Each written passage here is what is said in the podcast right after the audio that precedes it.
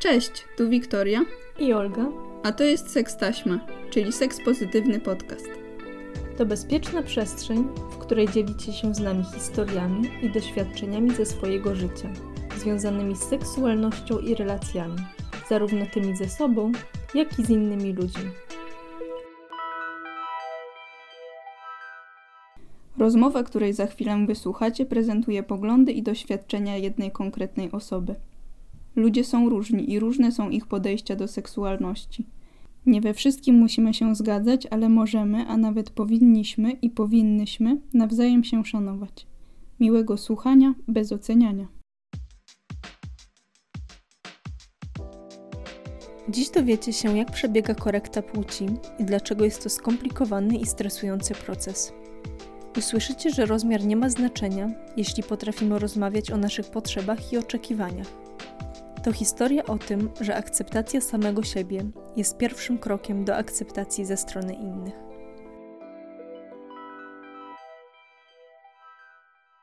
Cześć. Cześć. Jestem Ksawery. Od e, dwóch lat prowadzę podcast e, Bezinteresowny on Air e, o niecodziennej codzienności osób trans żyjących w Polsce. Czyli jestem mężczyzną transpłciowych, surprise, surprise. jestem od trzech, po prawie trzech lat na, na hormonach. Przeszedłem wszystkie operacje e, trans męskie i e, tak sobie żyję. Prywatnie programuję i staram się jakoś łączyć koniec z końcem. To przejdziemy teraz do pytań. Jasne. Co to dla ciebie znaczy być mężczyzną? Ostatnio nawet nagrałem o tym cały odcinek na temat męskości i e, ta definicja męskości w moim przypadku bardzo się e, rozwijała, bo teraz e, męskość e, łączy się u mnie z jakimś takim archetypem ojca. W sensie cechy takie jak opiekuńczość, e, zapewnienie poczucia bezpieczeństwa rodzinie, e, po prostu miłość i, i odwaga do okazywania uczuć. Natomiast powiem Ci, że jeszcze nie wiem, 3 lata temu męskość była w mojej głowie definiowana jako ta męskość toksyczna. Testosteron z każdej strony, bycie napakowanym, po prostu y, rozwiązywanie problemów siłą, dajmy na to. Nigdy nie, nie, nie uwzględniałem tej definicji męskości jakichś tam cech fizycznych, nie? Jednak to była kwestia charakteru. A jaka jest twoja męskość? Jakbyś zdefiniował to, w jaki sposób ty jesteś męski? Ja zawsze mm, odpowiadam na to pytanie tak, że dla mnie męskość jest jak miłość. Nie masz pojęcia, jak to zdefiniować, jak to opisać, ale jak już czujesz tę miłość, czujesz tę męskość w kimś, e, to po prostu wiesz, że to o to chodzi. Męskość jest dla mnie czymś bardzo wyjątkowym i szczególnym w życiu, bo ja za tą męskością biegałem całe młode życie, przez 20 lat tak do tego dążyłem, szukałem tej męskości w sobie i chciałem, żeby ludzie mnie z tym wiązali, ale nie jestem w stanie powiedzieć, czym jest męskość. Czyli nie łączysz męskości ani z żadnymi konkretnymi cechami charakteru, ani z żadnymi cechami wyglądu. Nie, wydaje mi się, jak ostatnio miałem nad tym taką dość długą rozkminę, że nie jestem w stanie Ci podać ani jednej cechy charakteru, znaczy charakteru również, ale nawet wyglądu w dzisiejszych czasach, która by była stricte przypisana tylko i wyłącznie do mężczyzny. Wydaje mi się, że istnieją już na tym świecie tak wyjątkowi, tak różni ludzie, różnorodni, że niezależnie od tego, z jaką płcią się identyfikują, mogą y, posiadać cechy wyglądu każde. Nie, nie jestem w stanie podać jednej takiej cechy, która jest przy, przypisana tylko i wyłącznie stricte do mężczyzny. A co to dla ciebie znaczy być osobą transpłciową? Osoba transpłciowa w moim odczuciu to jest osoba, która, w której jest jakaś taka duża niezgodność e, z płcią przypisaną. Nie musisz koniecznie umieć zdefiniować płeć, którą się w danym momencie czujesz, z którą chciałabyś się, chciałbyś się identyfikować. To, to, to jest takie poczucie niezgodności z płcią, którą masz przy, od urodzenia. Nie musisz koniecznie na ten moment wiedzieć, do czego dążysz. Możesz to odkrywać e, badać siebie i czas też robi swoje, ale jak już czujesz e, tę niezgodność e, na początku, gdzieś tam to w Twojej głowie rozbrzmiewa, to wydaje mi się, że, że to już jest, e, można określić taką osobę osobą transpłciową i która coś z tym chce robić dalej, nie? No bo jeżeli tylko czujesz tę niezgodność i zgadzasz się żyć z tym wszystkim, no to myślę, że to jeszcze nie jest transpłciowość, nie? To, transpłciowość to już jest jakiś akt w celu tej korekty tranzycji, nie? Czy będąc dzieckiem, nastolatkiem, zauważyłaś różnicę w traktowaniu chłopców i dziewczynek przez otoczenie? Czy bycie chłopcem lub dziewczynką wiązało się z posiadaniem konkretnych cech charakteru lub w cudzysłowie zezwoleniem na robienie różnych rzeczy w zależności od płci przypisanej przy urodzeniu? Tak. E, w sensie to, to pytanie e, jest proste i na nie jest prosta odpowiedź, e, ponieważ ja też pochodzę z Podlasia i tam wszystko by, było inaczej niż na przykład jest w Warszawie. Ale myślę, że, że nie byłoby mi tak łatwo określić, zauważyć tych różnic pomiędzy traktowaniem chłopców, dziewczynek, sposobem wychowywania chłopców i dziewczynek, gdybym nie miał brata, młodszego brata. I wiecie o co chodzi. Ja byłem, zacząłem tranzycję w wieku dopiero 20 lat, czyli byłem wychowywany jako dziewczynka.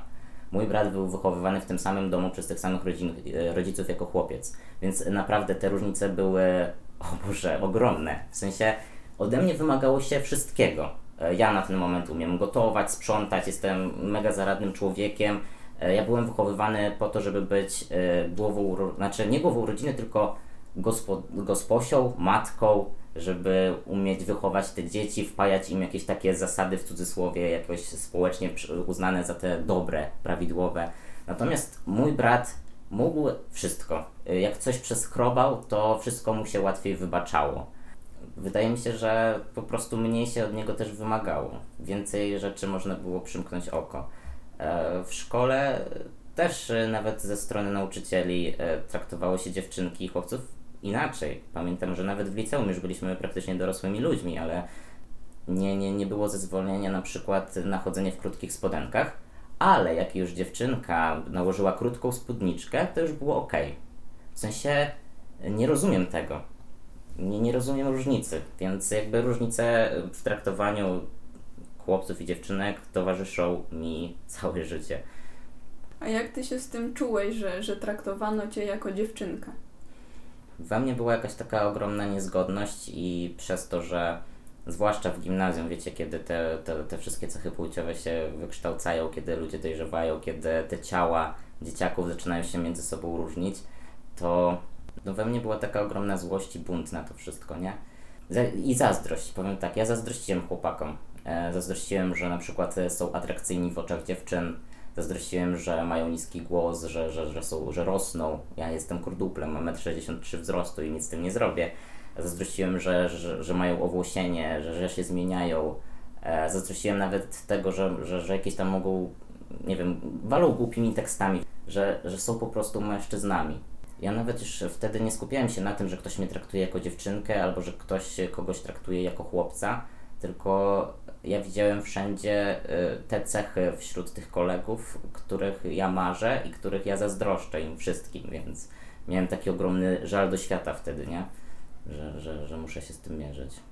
Mm, przez to, że nie godziłem się robić to, co dziewczynki, chciałem robić to, co chłopcy, to może jakoś podświadomie uważałem, że ten podział nie jest taki zły dążyłem do tego, nie? E, teraz jak o tym myślę, to oczywiście te podziały wszystkie są strasznie e, krzywdzące e, obie płcie i wszystko, wszystkich pomiędzy, że tak to ujmę. Wtedy chyba mm, dążyłem do bycia tym tak bardzo binarnym mężczyzną, do tej, tej binarnej strony męskiej. No ale tak jak mówię, wcześniej definiowałem męskość jako tę toksyczną męskość, więc chciałem się na siłę wpasowywać w te ramy społecznie uznane za takie bardzo nacechowane męskością. Chciałeś przejść po prostu na drugą stronę tak, tego. Tak, wiedziałem, że są dwie strony, jakby to się dało odczuć, ale chciałem koniecznie przeskoczyć na tą drugą. A w jakim wieku odkryłeś, że jesteś osobą transpłciową? E, w moim przypadku to było dość późno, ponieważ ja całe życie czułem, że jakąś niezgodność, że coś jest nie tak, e, ale nie znałem bardzo długo terminu, ponieważ ja też e, nie siedziałem jako dzieciak za dużo w internecie i jestem taki bardzo pure. Jako, jako dzieciak po prostu nigdy nie, nie miałem styczności z tym całym światem internetu. Nie mogłem eksplorować e, tego świata, który jest e, gdzieś tam poza moim zasięgiem otoczenia. Nie, nie wychodziłem poza ramy tego Podlasia. Więc ja e, zdałem sobie sprawę z tego, że jestem trans dopiero na studiach, czyli miałem wtedy 20 lat. E, wyjechałem wtedy do Warszawy, do dużego miasta i nagle wszystko zaczęło mi gdzieś tam grać w głowie. Opowiedz nam trochę o procesie odkrywania swojej seksualności, swojej tożsamości. Jak było najpierw? Ja mam tak, że mi się od zawsze podobały kobiety. W sensie czułem pociąg tylko i wyłącznie do kobiet, ale na początku, przez to, że wiedziałem, że, że nie mogę iść w tym kierunku, pewnym momencie w liceum zgodziłem się na to, że muszę się poświęcić i być po prostu w przyszłości żoną, matką, że muszę mieć męża. E, I spotykałem się z chłopakiem przez rok i on był starszy 6 lat. Więc, ale powiem Wam, że nigdy do niczego nie doszło między nami takiego zbliżenia na przykład. Zawsze nie mogłem się jakoś przemóc. W sensie wiedziałem, że tak czy siak udaje, ale to było dla mnie za dużo. Nie byłem w stanie przekroczyć tej granicy.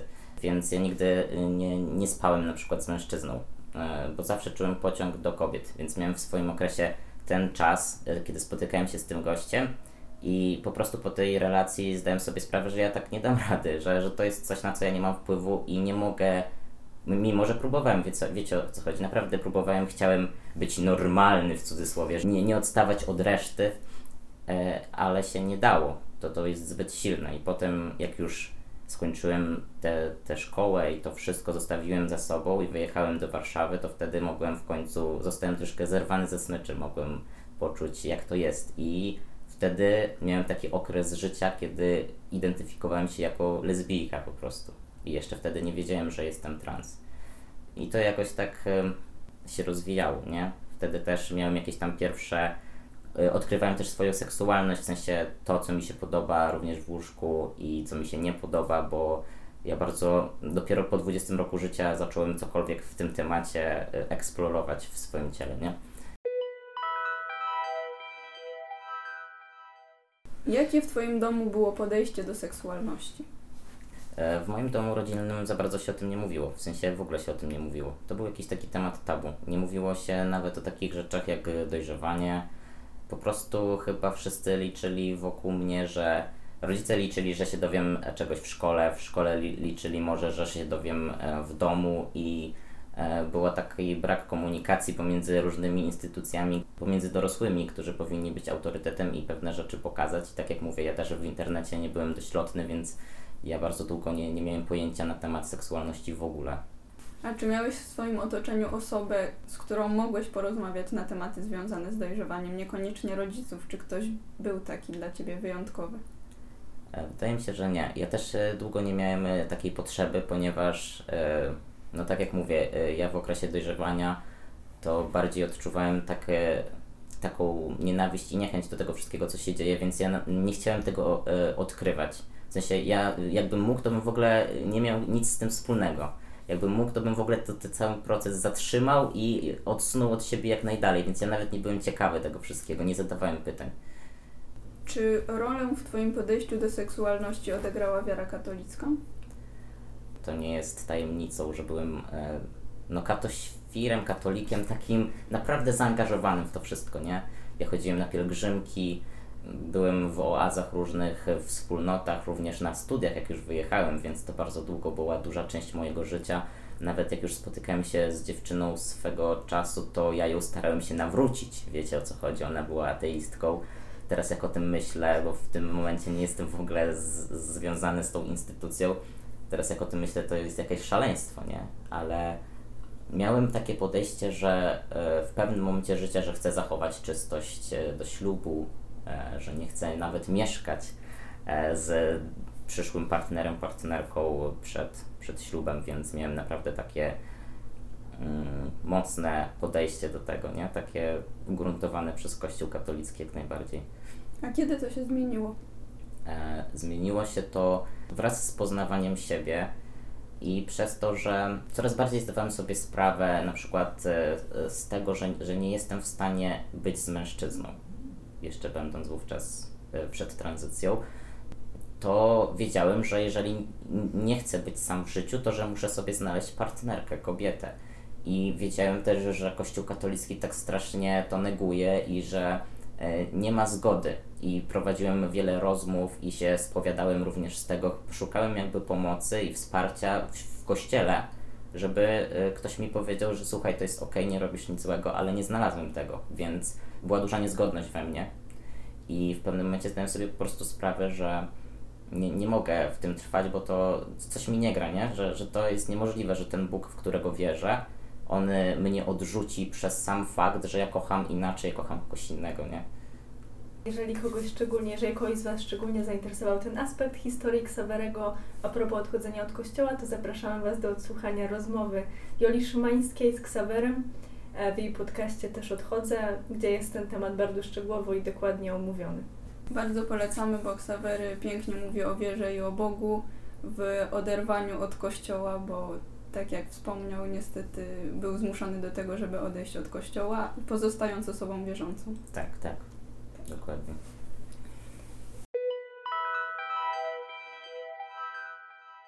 E, czy w okresie dorastania miałeś jakieś wyobrażenia co do tego, czym jest i jak powinien wyglądać seks? W okresie dorastania e, byłem jeszcze bardzo związany z Kościołem katolickim. Termin dziewictwo to było coś tak niesamowicie pięknego. Ja chciałem tego bardzo chronić. Chciałem, miałem takie pojęcie, że chciałem to oddać osobie, którą szczerze kocham, e, dlatego może też e, jakieś tam myślenie o tym, żeby poczekać do ślubu, więc dla mnie e, kwestie seksu, zbliżenia e, były zawsze związane z namiętnością, z uczuciem, z jakimś takim, e, z bliskością, z ofiarowaniem czegoś drugiej osobie. Nigdy jakoś tak przez całe te, te swoje życie nie, nie potrafiłem mm, myśleć o seksie jako o e, stricte zaspokojeniu fizycznych potrzeb. Zawsze w mojej głowie wiązało się to z, z czymś takim głębokim, że tak to ujmę. I dalej tak jest. Dalej tak jest. Tak. Czyli wręcz takie duchowe doświadczenie. Tak, tak. Myślę, że to jest w moim mniemaniu to jest na tyle taka sfera, którą się dzielę tylko z jednym człowiekiem tak naprawdę na świecie, że nie potrafiłbym mm, się wczuć, doznawać tego wszystkiego tak jak doznaję teraz, gdybym y, odłączył ten aspekt y, duchowy i skupił się stricte na fizycznej jakiejś tam przyjemności, więc cały czas gdzieś tam to u mnie jest taka symbioza tych dwóch sfer. Okej, okay, już po części poruszyłyśmy ten temat, ale jak wyglądały Twoje pierwsze relacje miłosno-seksualne? Które z nich uważasz za szczególnie istotne w Twoim rozwoju?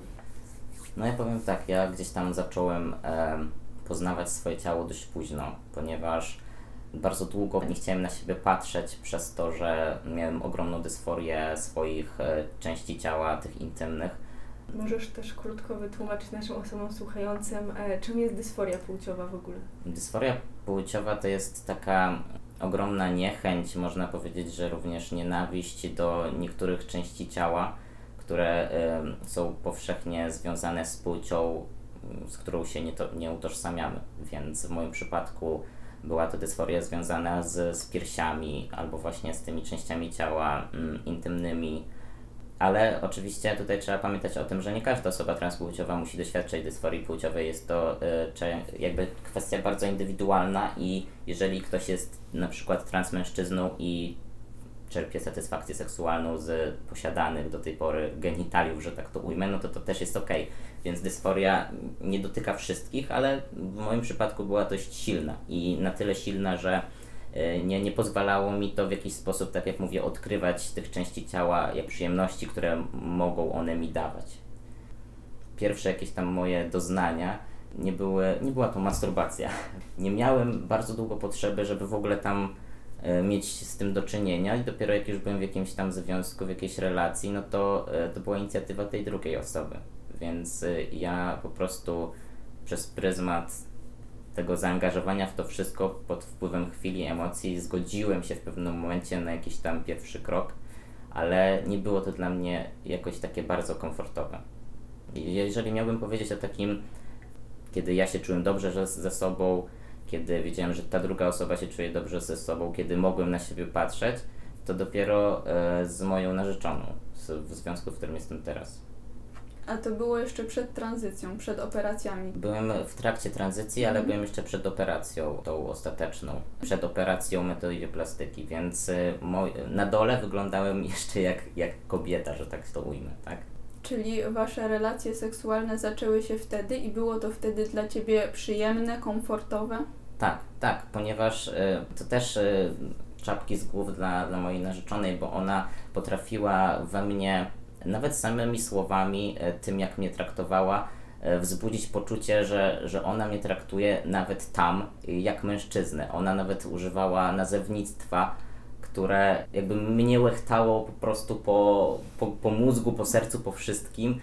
Mówiła na przykład penis kiedy wiadomo, że było inaczej, ale to mi pozwoliło się jakoś tak otworzyć i w to wszystko bardziej psychicznie też zaangażować. I to ona stworzyła taką atmosferę w tym wszystkim, nie? To możesz też teraz nam opowiedzieć trochę więcej o tej relacji ze swoją obecną partnerką, z narzeczoną, jak się poznaliście, jak to się rozwijało na początku. E, powiem tak, e, my się poznaliśmy przez internet i to jest tak, że no bo ja szukałem. Powiem szczerze, że ja chciałem być z kimś, potrzebuję bliskości i jakby nie uważam, że poznawanie się przez internet to jest jakiś shame czy coś. E, I ja na początku na tych swoich profilach, portalach nie umieszczałem informacji o tym, że jestem trans. Gdzieś tam udawało mi się, nie wiem, wyskoczyć z kimś na randkę, coś tam jak się nawet rozkręcało, to nigdy nie, nie wiedziałem, kiedy jest ten dobry moment, żeby powiedzieć o tym, że słuchaj, jestem trans, no bo tak naprawdę po mnie nie widać. W sensie fizycznie już y, zaszły takie zmiany w moim ciele, że naprawdę e, nie, nie mam napisane na czole, że jestem mężczyzną trans. E, I przez to, że to wszystko nie zaczynało się od początku od prawdy, to nigdy nie wychodziło. Więc y, ja po prostu w pewnym momencie się poznaliśmy na Queerze, nie wiem czy wiecie. To jest taka strona stricte dedykowana do osób LGBT. E, I ja tam napisałem prosto z mostu, że jestem e, mężczyzną transpłciowym i jestem heteroseksualnym mężczyzną transpłciowym, żeby podkreślić, że nie interesują mnie jakieś tam relacje z chłopakami. Po prostu w ten sposób się poznaliśmy. To też było takie dość magiczne, bo w tym momencie ona nikogo nie szukała e, i ja też nie, szuka, nie szukałem nikogo spoza Warszawy. Ona była wtedy z Łodzi, jest z Łodzi, więc y, po prostu mi się jej profil wyświetlił na jakiejś tam stronie głównej yy, i przyciągnęło mnie jej zdjęcie. Ja nacisnąłem i tam dwa, zda- dwa słowa tak naprawdę napisała jestem y, moje zalety, jestem K-popiarą i studiuję medycynę, moje wady, jestem K-popiarą i studiuję medycynę. no i ja miałem taki mindfuck w głowie, ale stwierdziłem, że po prostu do niej napiszę. I przez y, pierwszych parę tygodni wymienialiśmy listy, w sensie nie wiadomości, ale listy, takie wiadomości niesamowicie długie, w których mówiliśmy o całym naszym życiu. Nie było takie hej co tam, tylko po prostu było mega głębokie. I w pewnym momencie stwierdziłem, że rzucam wszystko i jadę do Łodzi. I tak to się jakoś rozwijało swoim tempem. Po prostu okazało się, że jesteśmy chyba dla siebie stworzeni, bo od tamtego czasu rzuciłem wszystko, wyprowadziłem się do tej Łodzi i, i, i układamy sobie życie razem na super fajnych zasadach, powiem Wam.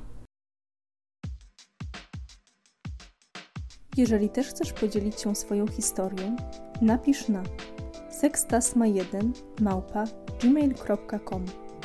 Dla Twojego komfortu możemy nagrać wywiad anonimowo z opcją modyfikacji głosu. Po więcej informacji zapraszamy na naszego Instagrama. Możesz nam opowiedzieć, jak wspominasz swój debiut seksualny? mój debiut seksualny. Nawet w sumie nie wiem, w którym momencie miałbym to, czy, czy to już jest coś, co powinienem e, definiować w swojej głowie jako jakiś tam debiut.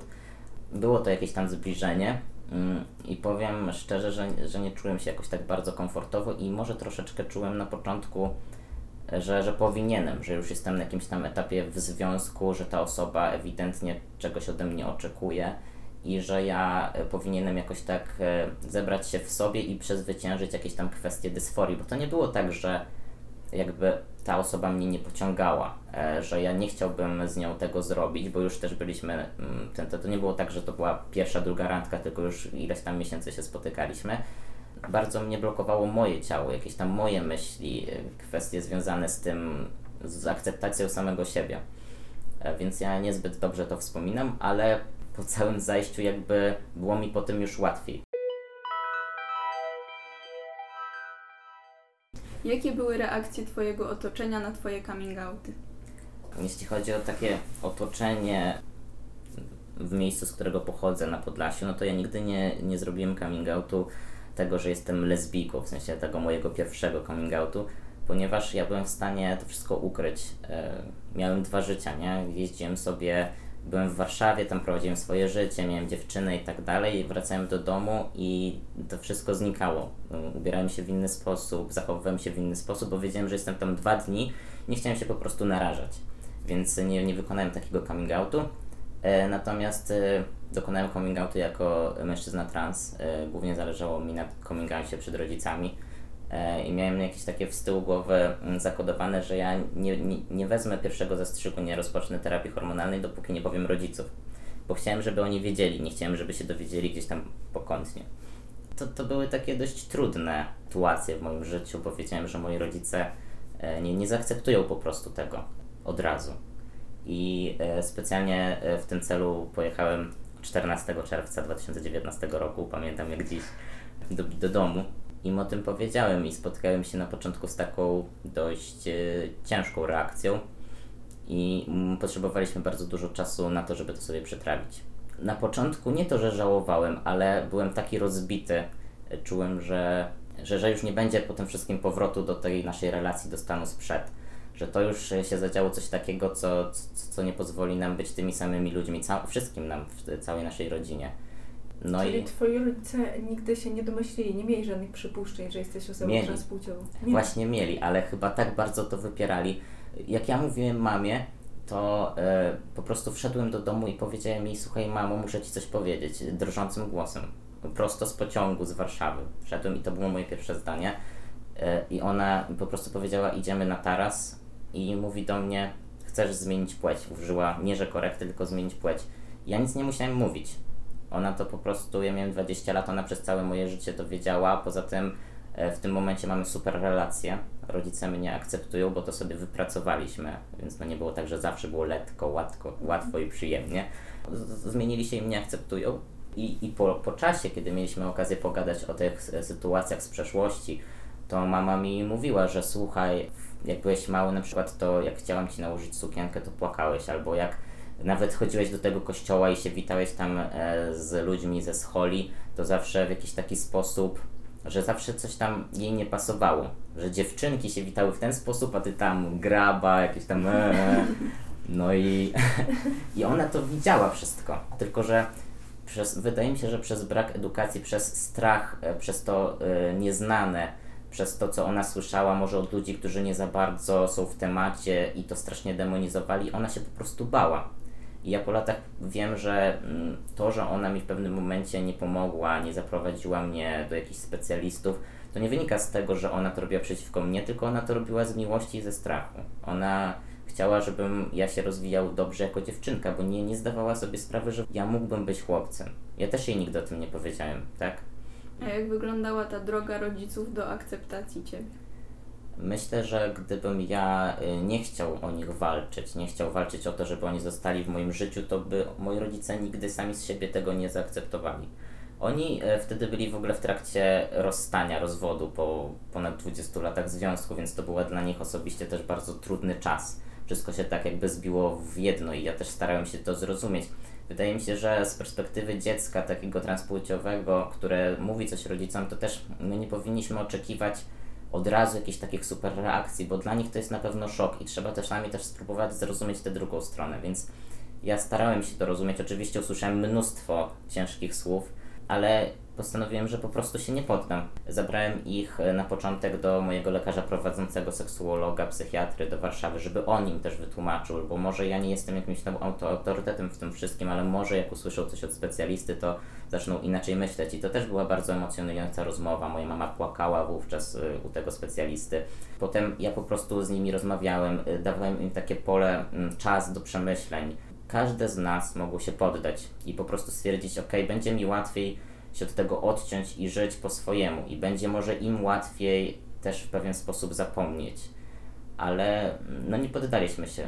Obie strony się nie poddały i chcieliśmy o to walczyć, bo nam po prostu zależało. Ja bym sobie jakoś za siebie zadbał, ale wiem, że oni e, beze mnie, jak ja bym wtedy ich zostawił z tym wszystkich samych, to oni by sobie nie poradzili. I teraz ja bym pewnie nie miał rodziców i mm, moi rodzice też byliby zupełnie innymi ludźmi. Jeszcze ja mam młodszego brata, nie chciałem zostawiać go w tym domu, gdzie mama nie dość, że przeżywa jakieś tam rozstanie, to przeżywa również stratę drugiego dziecka.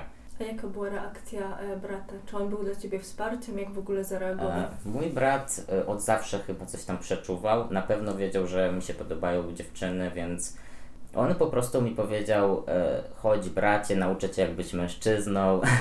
to jest, on jest 4 lata młodszy, więc wtedy też niewiele rzeczy rozumiał, natomiast e, On od zawsze mnie wspierał, w sensie byliśmy zawsze jak bliźniaki, my zawsze, nawet jak coś tam było w domu nie tak, to zawsze się trzymaliśmy razem, więc wydaje mi się, że musiałoby się stać coś naprawdę strasznego, żeby ta nasza relacja jakoś prysła, nie?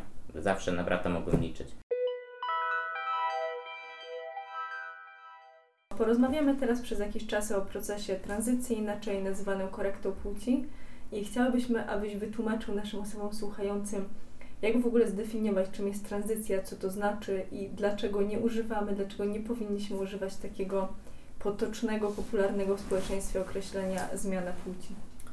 E, to znaczy powiem Wam tak, że mm, ja nie zawsze jestem jakiś taki e, wrogo nastawiony do tego pojęcia zmiana, ponieważ miałem też do czynienia z osobami transpłciowymi, które na przykład przechodziły korektę wcześniej, na przykład 20 lat temu. I wówczas w ogóle nie używało się pojęcia korekta płci. E, te osoby nadal często mówią zmiana, i ja na przykład nie czuję się y, w takim położeniu, żeby te osoby poprawiać, bo wiem, że one to też przeszły, one wtedy to wszystko się nazywało w ten sposób, zmiana, to dopiero od niedawna używa się tego stwierdzenia korekta, więc ja nie zawsze poprawiam. Oczywiście chciałbym, żeby tutaj ludzie wiedzieli, że używa się stwierdzenia korekta, ponieważ mm, wywodzi się to z tego, że płci po prostu się nie da zmienić. To jest tak, że my korygujemy swoje ciało do tego, żeby wyglądało w sposób taki bardziej zbliżony do płci odczuwanej. Płeć to jest coś, co my mamy wszyscy od urodzenia, jedno, e, na co nikt z nas nie ma wpływu. My mamy wpływ tylko na to, e, w jakim ciele, w jak wyglądającym ciele się czujemy ok z tym wszystkim. Dlatego nie używa się sformułowania zmiana płci, bo płci się po prostu zmienić nie da.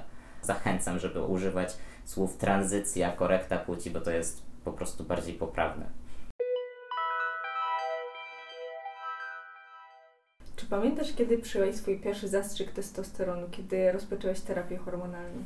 Tak, nawet sobie wydzierałem e, Feniksa na ręce z datą 22 czerwca 2019 rok, e, więc e, to wtedy był mój pierwszy zastrzyk. Poszedłem sobie do gabinetu, do pani pielęgniarki i ale pamiętam, że ja tak bardzo nie mogłem uwierzyć w to, co się dzieje. W sensie dla mnie, jak teraz o tym, jak sobie nawet wspominam ten czas, to mam takie wrażenie, jakby to był sen. W sensie nie, nie jestem w stanie jakoś tego mm, wrzucić do świata rzeczywistego, że to się w ogóle stało.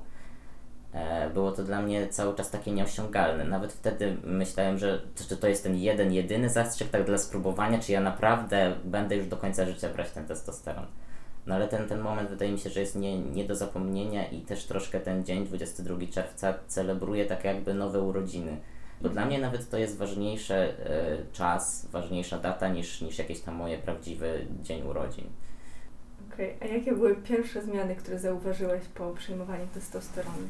To jest tak, że każdy, każdy przechodzi to inaczej, każdy chłopak zmienia się w inny sposób. U mnie jako pierwszy to obniżył się głos E, I w ogóle mega się cieszyłem, no bo to jest troszkę tak, że się przechodzi mm, na początek troszkę przyspieszoną menopauzę, bo na początek te wszystkie e, damskie hormony, kobiece, żeńskie przestają odgrywać prym w ciele e, i wtedy przechodzi się coś na kształt menopauzy, czyli doświadcza się takich skutków jak na przykład uderzenia gorąca, jakieś takie dziwne, zimne poty, i, ale to wszystko się dzieje w takim trybie przyspieszonym, więc też bardziej intensywnym, więc w Twoim organizmie nie wiadomo co się dzieje. I potem przechodzi się taki przyspieszony proces dojrzewania, y, tak jak chłopcy przechodzą y, normalnie, tak? Czyli obniża się głos, y, trądzik się pojawia, włosy na ciele, zarost, zmienia się postura, ale jeśli chodzi o takie pierwsze zmiany, to tak jak mówię, po, po może trzech tygodniach od zaczęcia terapii hormonalnej, to mi się obniżył głos. Miałem najpierw chrypkę, i potem mi spadł. I na początku się mega z tego cieszyłem, a potem się okazało, że to jest jakby najgorsza możliwa kolejność, ponieważ wiecie, wyglądałem jeszcze jak dziewczynka, można powiedzieć, a brzmiałem już takim basem, więc bardzo, bardzo ludzie się dziwili i nie wiedzieli, co ze sobą zrobić, jak miałem z nimi do czynienia, więc to mi dużo też takich przykrych sytuacji potem e, sprowokowało w życiu, nie? Ale pamiętam jak dziś się, że pierwsza zmiana to było obniżenie głosu. I wtedy e, ludzie bardziej zwracali się do ciebie żeńskimi zajmkami czy męskimi? Ja zawsze miałem bardzo taką delikatną urodę. I ja nawet e, bardzo długo potrzebowałem e, być na terapii hormonalnej, żeby moje rysy twarzy, żeby po prostu moja osoba kojarzyła się ludziom w głowie z mężczyzną. tak społecznie. Nawet sam fakt, że jestem niski, to nawet teraz, jak już jestem te prawie 3 lata na testosteronie, to ludzie czasem e, mnie misgenderują, czyli zwracają się do mnie na przykład w sklepach per pani, bo jestem w maseczce, nic nie powiem, nie widać mojego zarostu, nic, jestem po prostu niskim człowiekiem e, i ludzie mówią do mnie per pani i tyle, nie? Więc jakby to już myślę, że będzie mi to, to towarzyszyło do końca życia. Nie? A czy teraz wywołuje to u Ciebie jakieś negatywne emocje, jak ktoś się do Ciebie zwróci per pani? To znaczy, nadal jest tak, że przez pierwszych kilka mikrosekund mam takie, takie zderzenie, że troszeczkę zamieram w sobie, ale już na ten moment, y, po pierwsze, ci ludzie też się szybko, jak y, wystarczy, że coś powiem, y, albo odwrócę się lekko i widać mój zarost, to ludzie się szybko poprawiają, więc na tyle krótko jestem wbity w ziemię, zamurowany, że jeszcze chyba nie jestem w stanie doznać jakichkolwiek emocji. Jest to takie zawieszenie, więc nie jest to już na ten moment jakieś takie negatywne, ale e, nadal gdzieś tam pauzuje na chwilę moje życie i wybija mnie z rytmu. Czy możesz powiedzieć, jakie etapy nastąpiły później? Zacząłeś już terapię hormonalną, co było później? Czy jakieś operacje, czy zmiana dokumentów? Jak to wygląda? To znaczy, mm, to jest tak, że każdy robi to we własnym tempie, każdy to robi e, według jakichś tam własnych potrzeb, bo nie ma jakiegoś takiego scenariusza, że wszyscy muszą to powielać. Ja mogę powiedzieć, jak to było u mnie bo jestem też dość takim dość specyficznym przypadkiem, ponieważ ja w 3 lata byłem w stanie zrobić wszystko. Jakby zawziąłem się w sobie i zrobiłem trzy operacje, e, przeszedłem zmianę danych. W Polsce jesteśmy w stanie zrobić mastektomię, potocznie zwaną jedynką, czyli gdzieś tam pierwszą operację przed zmianą danych. Ale prywatnie, jeżeli byśmy chcieli zrobić to na NFZ, to już musimy mieć w dokumentach mężczyzna. Jaki Więc... jest koszt takiej mastektomii? To są bardzo różne pieniądze i też z, z roku na rok e, to drożeje po prostu. Ja robiłem e, za 6300 zł. W tym momencie w tej samej klinice jest to koszt zbliżony do 8000. Więc przez dwa lata bardzo cena wzrosła, ale w tym samym czasie można robić w innej klinice nawet za 17 tysięcy.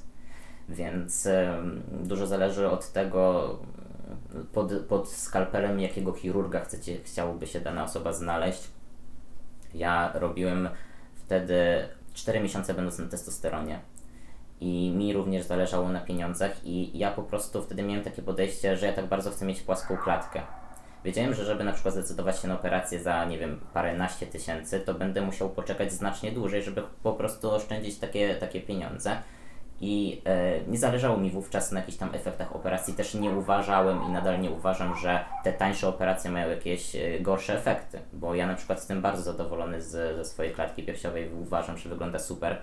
Ja po prostu wtedy tak bardzo chciałem się pozbyć tego balastu. Chciałem wyciąć piersi po prostu. Nie, nie patrzyłem na nic innego. Co poczułeś, jak zobaczyłeś się w lustrze już po zdjęciu opatrunków, jak to wszystko się w miarę zagoiło?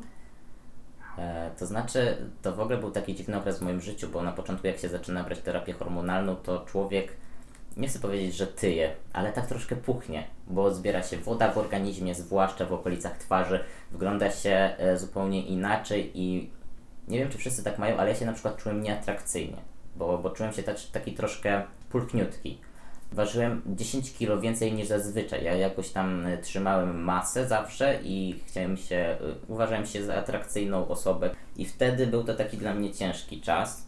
To przed położeniem się na stół operacyjny ja y, już naprawdę w ogóle nie mogłem patrzeć na swoje ciało, nie tylko ze względu na to, że miałem gdzieś tam te piersi i tak dalej, ale to też jest tak, że mm, przed i w trakcie, na początku terapii hormonalnej, jak tyłem, to nabierałem bardziej kobiecych w cudzysłowie kształtów. W sensie e, moje biodra, mm, miałem kształt takiej klepsydry, więc y, starałem się być po prostu szczuplejszy, żeby to wszystko zanikało. Więc y, ja patrząc w lustro widziałem cały czas kobietę. I nawet jak miałem, byłem wycięty, to oczywiście czułem e, ogromną euforię. W sensie czułem się w końcu chciałem pójść na basen na przykład, bo to jest zupełnie inna szkoła jazdy. Nie, nie musisz iść wtedy w stroju kąpielowym, który uwzględnia górną część, tylko można iść po prostu w samych gadkach i jest super. Ale ja, moje pierwsze wrażenie było takie, że po pierwsze byłem strasznie zmęczony, obolały, opuchnięty, y, na dragach, więc jak ja pierwszy raz się widziałem, to zakręciła mi się łezka w oku oczywiście, ale cały czas gdzieś tam w mojej głowie było takie nie, niedowierzanie, że to się w ogóle dzieje to, to jakieś takie było oderwane od rzeczywistości zupełnie. No. Więc ja, żeby jakoś tam naprawdę odczuć taką prawdziwą euforię po tej operacji, to już musiał minąć czas, kiedy to wszystko było zagojone, kiedy ja nie musiałem myśleć o tym, że tu mam jakiegoś krwiaka, tutaj mi się coś zbiera, tutaj jeszcze na przykład mi się nie przyjął lewy sutek i jestem taki troszkę niesymetryczny, że tak to ujmę, więc cały czas tak gdzieś tam były problemy z tym związane, więc człowiek y, obarczony tymi myślami negatywnymi, martwieniem się, że coś może pójść nie tak, jeszcze chyba nie jest w stanie się tak w 100% cieszyć. Więc ja y, tak naprawdę cieszyłem się, że to zrobiłem parę miesięcy dopiero po operacji. Trzeba też pamiętać o tym, że to nie jest zabieg estetyczny tylko, że to nie jest zabieg wycięcia pieprzyka, że to jest bardzo poważna operacja, że może na zewnątrz jest to jedna podłużna blizna, albo w niektórych przypadkach zero blizn, ale tak naprawdę pod spodem to jest odcięcie kawałka Twojego ciała. I że ten organizm ma tam ogromne rany, nie tylko podłużne, nie wiadomo co, tylko to jest duża rana i on musi sobie z tym poradzić, tak? Więc to, to, to nie jest pierdnięcie w mąkę, że tak to ujmę. A czy możesz nam opowiedzieć o tym, jak wyglądał proces sądowy, proces e, zmiany dokumentów? Ja składałem pozew w Białymstoku, więc nie jest to. To miasto nie wiedzie prymu, jeśli chodzi o tolerancję w Polsce, umówmy się. E, więc w moim przypadku ja wiedziałem, że muszę bardzo szybko złożyć pozew, bo wiedziałem, że to się będzie długo ciągnąć. Więc jak ja miałem e, operację e, pod koniec października, to ja pod koniec września wcześniej złożyłem już pozew. A jeszcze powiedz, kogo pozywałeś? Tak, to jest tak, że w Polsce e, ten proces polega e, na tym, że pozywa się do sądu swoich rodziców. I jak ktoś na przykład nie ma rodziców z różnych powodów, albo nawet ktoś już jest pełnoletni, to musi e, mieć osobę wyznaczoną do tego, żeby reprezentowała jakby stronę przeciwną, bo wszystko się odbywa w ramach sprawy cywilnej, więc musi być powód i muszą być pozwani. Tak to się odbywa. W Polsce tranzycja, proces tranzycji nie jest w ogóle unormowany prawnie i nie ma nawet zapisu e, w jakichś tam kodeksach prawnych, ja się naprawdę na tym nie znam, odnośnie transpłciowości, odnośnie regulacji tych dokumentów, tych danych, więc my korzystamy z takiej, można powiedzieć, luki prawnej, która polega na tym, że jeżeli my mamy jakąś korzyść e, z takiego procesu, z tego, że może być taki, a nie inny wyrok, to my możemy pozwać mm, osoby, w tym wypadku rodziców, które są jakoś tam związane z z tą naszą niekorzyścią, która polega teraz na, na tej, tej płci, którą mamy przypisaną. Więc e, sam, sam proces pozywania rodziców jest bardzo uwłaczający i w ogóle nawet jak rodzice są e, akceptujący, to i tak muszą się w to bawić. E, w cudzysłowie oczywiście, bo to ze zabawą nie ma nic wspólnego, to jest po prostu ciężkie zarówno dla nas, jak i dla rodziców.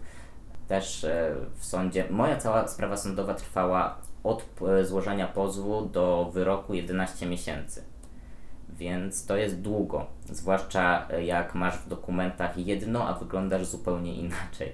To jest bardzo, to jest za długo i się e, przez to mm, generują się bardzo duże problemy w życiu, właśnie przez tą niezgodność w dokumentach. U mnie to wszystko wyglądało w ten sposób, że złożyłem pozew, miałem pierwszą rozprawę, rodzice, złożyłem wniosek, żeby rodzice nie, e, nie musieli być zaangażowani w sprawę i obydwoje rodzice podpisali, bo byli na ten moment już akceptujący Natomiast sąd tego wniosku nie uznał e, i rodzice byli zaproszeni na sprawę. W moim przypadku również został przydzielony prokurator, co w sprawie cywilnej jest w ogóle abstrakcją zupełną. To, to jest trudne, ponieważ na y, takiej rozprawie zostały, były mi zadawane pytania, jak byłem przesłuchiwany, takie bardzo intymne. Y, a z tyłu, metr za mną, siedzieli moi rodzice. Ja czułem ich oddech na swoim karku. Więc e, nie byłem na to gotowy, powiem szczerze, że, że, że będzie to wyglądało w ten sposób, nie? Więc e, w moim przypadku były dwie rozprawy i wyrok, ponieważ na pierwszej rozprawie zostałem odesłany do zostania przebadanym przez biegłych sądowych, przez panią prokurator, ona złożyła taki wniosek. No i druga rozprawa została odroczona bez podania terminu, więc e, to też mnie strasznie wkurzyło, bo zazwyczaj jak się czyta historię osób trans w innych sądach, no to nawet jak jest sprawa odroczona, no to masz konkretny termin i wiesz, że możesz na coś czekać. A takie podanie mi sprawy bez terminu, ja wiedziałem, że to możesz się ciągnąć i ciągnąć, nie? Ja byłem bardzo zdeterminowany, żeby to się szybko wszystko zadziało. Dlaczego? Dlatego, że żeby zrobić drugą operację, histerektomię w Polsce, to musimy mieć w dokumentach już M. Mężczyzna. Niezależnie od tego, czy chcemy to zrobić prywatnie, czy na NFZ, ponieważ kobiety nie mogą zrobić histerektomii, czyli usunięcia macicy z jajnikami na żądanie, ponieważ jest to wiązane ze świadomym pozbawieniem płodności jako okaleczenie. Więc, e, żeby się pozbyć tego wszystkiego, musiałem koniecznie mieć zmienione dokumenty, dlatego tak bardzo mi na tym zależało. No to powiedzieliśmy e, teraz o histerektomii, że to jest tak zwana dwójka, e, Tak. potocznie nazywana. To możemy teraz przejść do tego, czym jest trójka. Okej, to, to też jest tak, że mm, niekoniecznie trzeba zrobić dwójkę przed trójką. E, jak się ktoś decyduje na trójkę, czyli operację konstrukcji członka, w zależności od tego, pod skalpelem jakiego chirurga się kładziemy, to po prostu można e, od razu wyciąć, zrobić histerektomię, wyciąć te wszystkie wnętrzności, że tak się wyrażę, czyli macicę, szyjkę macicy, jajniki, etc. I trójka dzieli się na dwie metody, tak naprawdę główne metody, które mają mnóstwo podmetod, nie? ale przede wszystkim jest metoidioplastyka i faloplastyka. Mm, I różnią się one mm, z grubsza tym, że w faloplastyce uwzględnia się również przeszczep płatu skóry z różnych tam części ciała.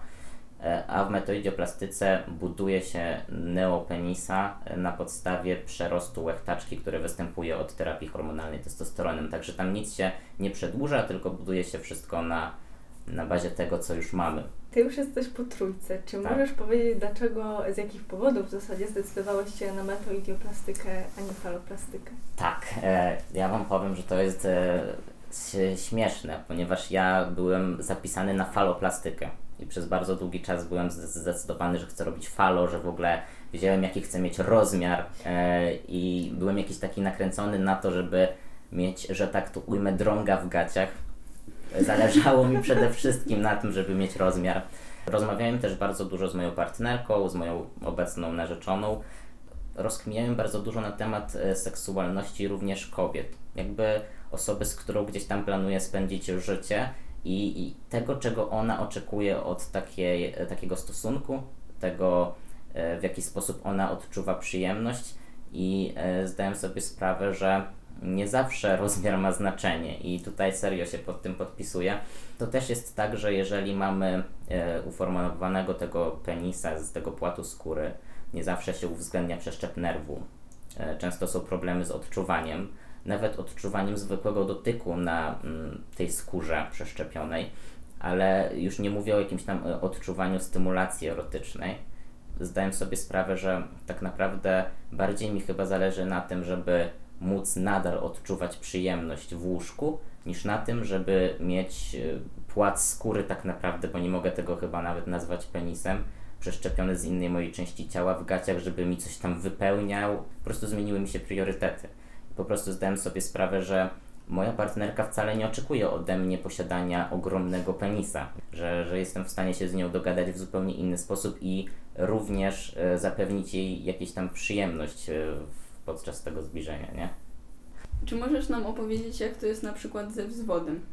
Powiem tak, no to tak jak mówię, zależy od tego, po jakiej operacji jesteśmy. Bo jeżeli jesteśmy po metoidioplastyce, erekcja jest naturalna. Ten neopenis jest zbudowany tak naprawdę tylko na, na bazie łechtaczki, która również w przypadku cis kobiet i osób, które mają, posiadają waginy, e, po prostu podczas podniecenia e, jest uwydatniona, krew również tam spływa, tak samo jak w przypadku mężczyzn do penisa. No i przez to, że, że ten przerost następuje, to mm, i przez to, że metoidioplastyka uwzględnia uwolnienie tak zwane tej łechtaczki, czyli przecina się skórę i ona jest w stanie podnieść się po prostu podczas tego napełnienia krwią, to taka erekcja naturalna w momencie podniecenia jest możliwa mm, w przypadku metoidioplastyki. Natomiast jeżeli dana osoba decyduje się na faloplastykę, to żeby osiągnąć erekcję musi, musi użyć protezy, jednej z dwóch protez, y, tak zwany erective device, albo pompkę, albo taki road. I wówczas erekcja jest stricte mechaniczna. Więc polega to na tym, że jeżeli dana osoba ma wszczepioną na stałe, podkreślmy, że to jest pompka, która jest wszczepiona na stałe do środka naszego penisa, to wówczas erekcja polega na tym, że jak się naciśnie odpowiedni guziczek, to penis się podnosi. Natomiast jak ch- chce się y, spuścić, że tak się wyrażę, płyn, który napełnia te cylindry, to trzeba nacisnąć inny przycisk, tak? Ale no nie, nie następuje to w ten sposób, że jest wytrysk tego płynu, tylko ten płyn wraca do odpowiedniego e, cylindra, którego na stałe przechowuje. Więc to jest stricte mechaniczne, więc wówczas te erekcje możemy mieć niezależnie od naszego nastroju. Nie jest tak, że w, tylko w momencie podniecenia. A czy obecnie możesz uprawiać seks penetracyjny? To zależy. Po metoidioplastyce ten, ten członek jest, e, ma od 3 do nawet 7-8 cm, w zależności, tak jak mówię, od jakichś tam kwestii genetycznych, e, ile macie tego przerostu, posiadacie tego przerostu. E, w moim przypadku no, chirurg mi powiedział, że, że jest to jeden z największych, jakie mu się udało stworzyć, więc ja jakoś tam powiedział, że po, po, Polak, bo ja nie byłem w Polsce, powiedział, że Polak potrafi coś takiego, nie? E, więc powiem szczerze, że na ten moment jeżeli nawet e, podczas zbliżenia dochodzi do jakiegoś tam e, zbliżenia tych narządów intymnych, to ja jestem w stanie z tego odczuwać przyjemność, ale nie jest to taka, powiedzmy sobie szczerze, penetracja, penetracja. Więc e, jako tako po metoidioplastyce seks penetracyjny nie jest możliwy, po prostu i trzeba się z tym liczyć. No ja ogólnie staram się dużo o tym mówić, bo wiem, że, że mało kto o tym mówi, nie? I mhm. myślę, że to nie ma w tym nic złego, nie powinno być temat tabu. E, jeżeli szczególnie interesuje Was e, temat operacji, to odsyłamy Was do podcastu, Instagrama i TikToka Xaverego, gdzie właśnie bardzo dokładnie o tym mówi. E, bardzo fajnych informacji udziela i mówi prosto i myślę, że mało jest takich miejsc w ogóle w internecie, gdzie można tak fajnie usłyszeć zebrane te informacje. Jaki obecnie masz stosunek do swojego ciała? E, na ten moment jestem bardzo zadowolony ze swojego ciała i mm, powiem szczerze, że w sumie już jeszcze przed tą operacją ostateczną byłem już usatysfakcjonowany. Głównie przez to, że chyba bardzo dużo mi dała w ogóle ta redystrybucja tkanki tłuszczowej, bo od terapii hormonalnej po prostu tyjemy w innych miejscach. E, już nie, nie, nie wyglądam mm, jak klepsydra, że tak to ujmę, ale też przez jakieś tam ćwiczenia, przez jakiś tam rozwój ciała wyglądam bardziej jak trójkąt. I to, to jest dla mnie ogromnie e, euforyczne, bo jednak na co dzień ja siebie widzę, wiecie, w ubraniach, tylko w tym momencie, jak mam, tak jak mówię, stałą partnerkę, to gdzieś tam te kwestie e, miejsc intymnych są zarezerwowane dla nas i ja też mam na tyle dużo wsparcia od niej i akceptacji, że tak naprawdę w pewnym momencie to nie miało, przestało mieć znaczenie i wydaje mi się, że gdybym nie mógł sobie pozwolić na tę ostatnią operację, to ja byłbym w stanie z tym żyć. Ja to zrobiłem dla siebie, bo tego chciałem, ale moja dysforia i tak już była bardzo cicha. Więc dużo, dużo myślę właśnie zależy od tego, w jakiej, jaką atmosferę i jak do tego podchodzą też inne osoby, które są gdzieś tam istotne w naszym życiu, nie? Czyli obecnie nie masz oporów, żeby pokazywać nago swojej partnerce nie. narzeczonej? Nie, wręcz przeciwnie. W sensie naprawdę, ja jestem dumny z tego, co osiągnąłem. Kiedy, kiedy jesteśmy sami, e, nie mam oporów i to jest bardzo fajne uczucie, kiedy mm, czuję się dobrze z tym, co widzę w lustrze. Czy jako osoba transpłciowa doświadczyłeś lub doświadcza, doświadczasz przemocy, stygmatyzacji, braku szacunku? Mm, to też jest tak, że tak jak mówię, na ten moment e, trzeba być bardzo blisko w moim otoczeniu, e, żeby wiedzieć, że jestem trans. Oczywiście jestem w internecie, ale powiem szczerze, że jakoś w najbliższym otoczeniu nie mówię o tym, że jestem w internecie i dopiero jak ktoś tam trafi, to, to jest takie zderzenie, ale y, jak ktoś mnie nie spyta, to ja nie czuję potrzeby, żeby mówić o tym, że jestem trans. Oczywiście, jak ktoś mi zada takie pytanie, to też się tego nie wstydzę i mówię tak, jestem i jakby jestem z tego dumny, nie? Więc y, ciężko mi powiedzieć o jakiejś takiej przemocy związanej z tym, że jestem trans, że jakoś ludzie by mnie wytykali palcami czy coś, no bo po prostu tego nie widać. Wydaje mi się, że to jest taka troszkę przewaga mm, osób transpłciowych nad osobami y, nieheteronormatywnymi, bo jednak jeżeli y, pamiętam jak to było wcześniej, gdy byłem kobietą spotykającą się z kobietami, że gdzieś tam y, może bardziej czułem ten wzrok ludzi na sobie, a teraz, jak idę ze swoją ukochaną za rękę, no to dla wszystkich jest to ok. Społecznie wydaje mi się, że, że nie czuję teraz w tym momencie jakiegoś takiego stygmatyzacji, wykluczenia czy coś w tym stylu. A czy hejt w internecie się zdarza, jak już ludzie wiedzą, że jesteś osobą transpłciową? Powiem szczerze, że jestem w sumie w szoku, bo wychodząc do internetu, to byłem przygotowany na to, że, że, że będzie również hejt póki co y, z, spotykam się tylko z pozytywnymi reakcjami. Nawet, dajmy na to, nie wiem, jak mam gdzieś tam 500 komentarzy, to jak wśród tych 500 komentarzy zdarzą się dwa jakieś negatywne, coś w stylu, że o, twoi, współczuję twoim rodzicom, czy coś takiego. To chyba były jakieś takie najgorsze rzeczy, które do tej pory e, gdzieś tam ktoś mi napisał e, i nie, nie mam tego hejtu. Może jeszcze, może po prostu nie mam, ale aż jestem w szoku, tak jak mówię, że, że nie spotkałem się za bardzo z jakimiś takimi negatywnymi opiniami co do tego, kim jestem, co mówię, co robię. Ale też tutaj powiem, że chyba na tyle w życiu już dużo przeszedłem, jakąś taką drogę. E, dużo miałem takich e, wariacji związanych z jakimś tam samym zaakceptowaniem siebie przez siebie samego, że wydaje mi się, że cokolwiek by mi ktoś nie powiedział, to ja i tak mam to w dupie, nie? Bo przeszedłem naprawdę bardzo długą drogę i sam sobie, sam sobie byłem największym hejterem, nie? sam sobie wmawiałem bardzo wiele rzeczy, sam sobie wytykałem bardzo wiele rzeczy i ja sam wiem, że widzę jeszcze te rzeczy, y, od których chciałem uciekać w swoim ciele, mimo że już nikt tego nie widzi. Więc ja byłem swoim największym katem, więc teraz cokolwiek ktoś mi nie powie, to ja już to słyszałem wielokrotnie od siebie i ja przez to przeszedłem i ja już jestem z tym ok. Więc myślę, że taki hejt jest dla mnie, spływa po mnie jak po kaczce, serio. Czy jest coś, co chciałbyś usłyszeć, będąc dzieckiem, będąc nastolatkiem, co pomogłoby Ci lepiej zrozumieć siebie?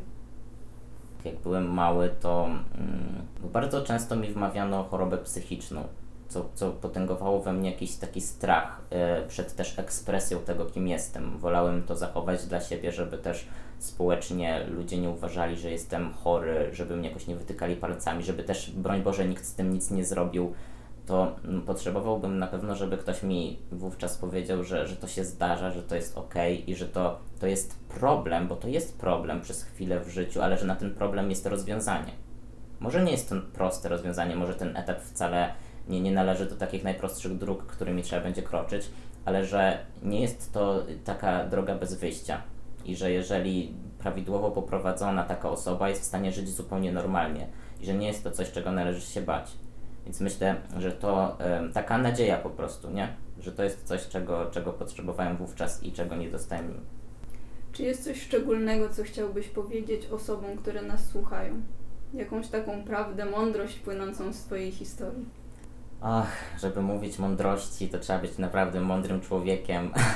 A ja jestem zwykłym chłopakiem ze wsi, ale, ale gdybym miał e, przekazać coś od siebie, to Wydaje mi się, że po pierwsze mm, nie należy czekać z walką o siebie, żyć pod kogoś. W sensie, że, że, że to nie jest tak, że, że możemy pewne rzeczy w sobie wyciszyć. E, I że jeżeli już w tym momencie czujemy, że, że, że nasze życie nie wygląda tak, jakbyśmy chcieli, żeby wyglądało, że nie możemy z niego czerpać na 100%, to mm, myślenie w ten sposób, że to przejdzie, że to jest może jakiś etap, e, że, że, w końcu uda nam się coś, coś przedsięwziąć, żeby te, te głosy uciszyć, że to jest bez sensu, bo te głosy są na tyle silne, że z nimi nie wygrasz. Zarówno jeśli chodzi o orientację, o pociąg do, do osób innych i zarówno jeśli chodzi o tożsamość płciową, płciową i czerpanie jakiejś tam satysfakcji z tego, kim się jest i jaką chce się pełnić rolę w życiu, że że to jest coś, z czym się po prostu nie wygra. I im prędzej się z tym pogodzimy, tym lepiej dla nas i tym y, prędzej będziemy w stanie być po prostu szczęśliwi. Więc, więc myślę po prostu, że, że, że, trzeba postawić siebie na pierwszym miejscu w swoim życiu i jak, jak już będziemy szczęśliwi z samymi z sobą, to też wszystko inne powoli zacznie się układać. Nie wiem jak to się dzieje, ale odkąd ja jestem ok z tym, kim jestem, to też y, bardziej ludzie są ok z tym, kim jestem. Ja jeszcze mam takie pytanie na koniec. Jak to jest sikać na stojąco? No, powiem tak, to jest e, super uczucie. No bo dużo, dużo facetów ci mi wcześniej mówiło, że o, my czas, ja czasem tak e, robię siku na siedząco, bo tak jest wygodniej. Ja mówię, stary, ja już się 22 lata nasiedziałem na tej muszli porcelanowej, jakby teraz, teraz jest mój czas, ja chcę to wykorzystać. Pierwsza, pierwsza możliwa sytuacja, ja idę pod drzewko i po prostu to robię, nie? To, to zawsze było jedno z moich największych marzeń, także jestem bardzo zadowolony. Życzymy Ci realizacji kolejnych marzeń i bardzo Ci dziękujemy za rozmowę. Ja również dziękuję, bardzo było miło e, być gościem Waszego podcastu. Dziękujemy Wam za wysłuchanie dzisiejszej rozmowy. Zachęcamy do obserwowania sekstaśmy na Spotify i Instagramie. Do usłyszenia.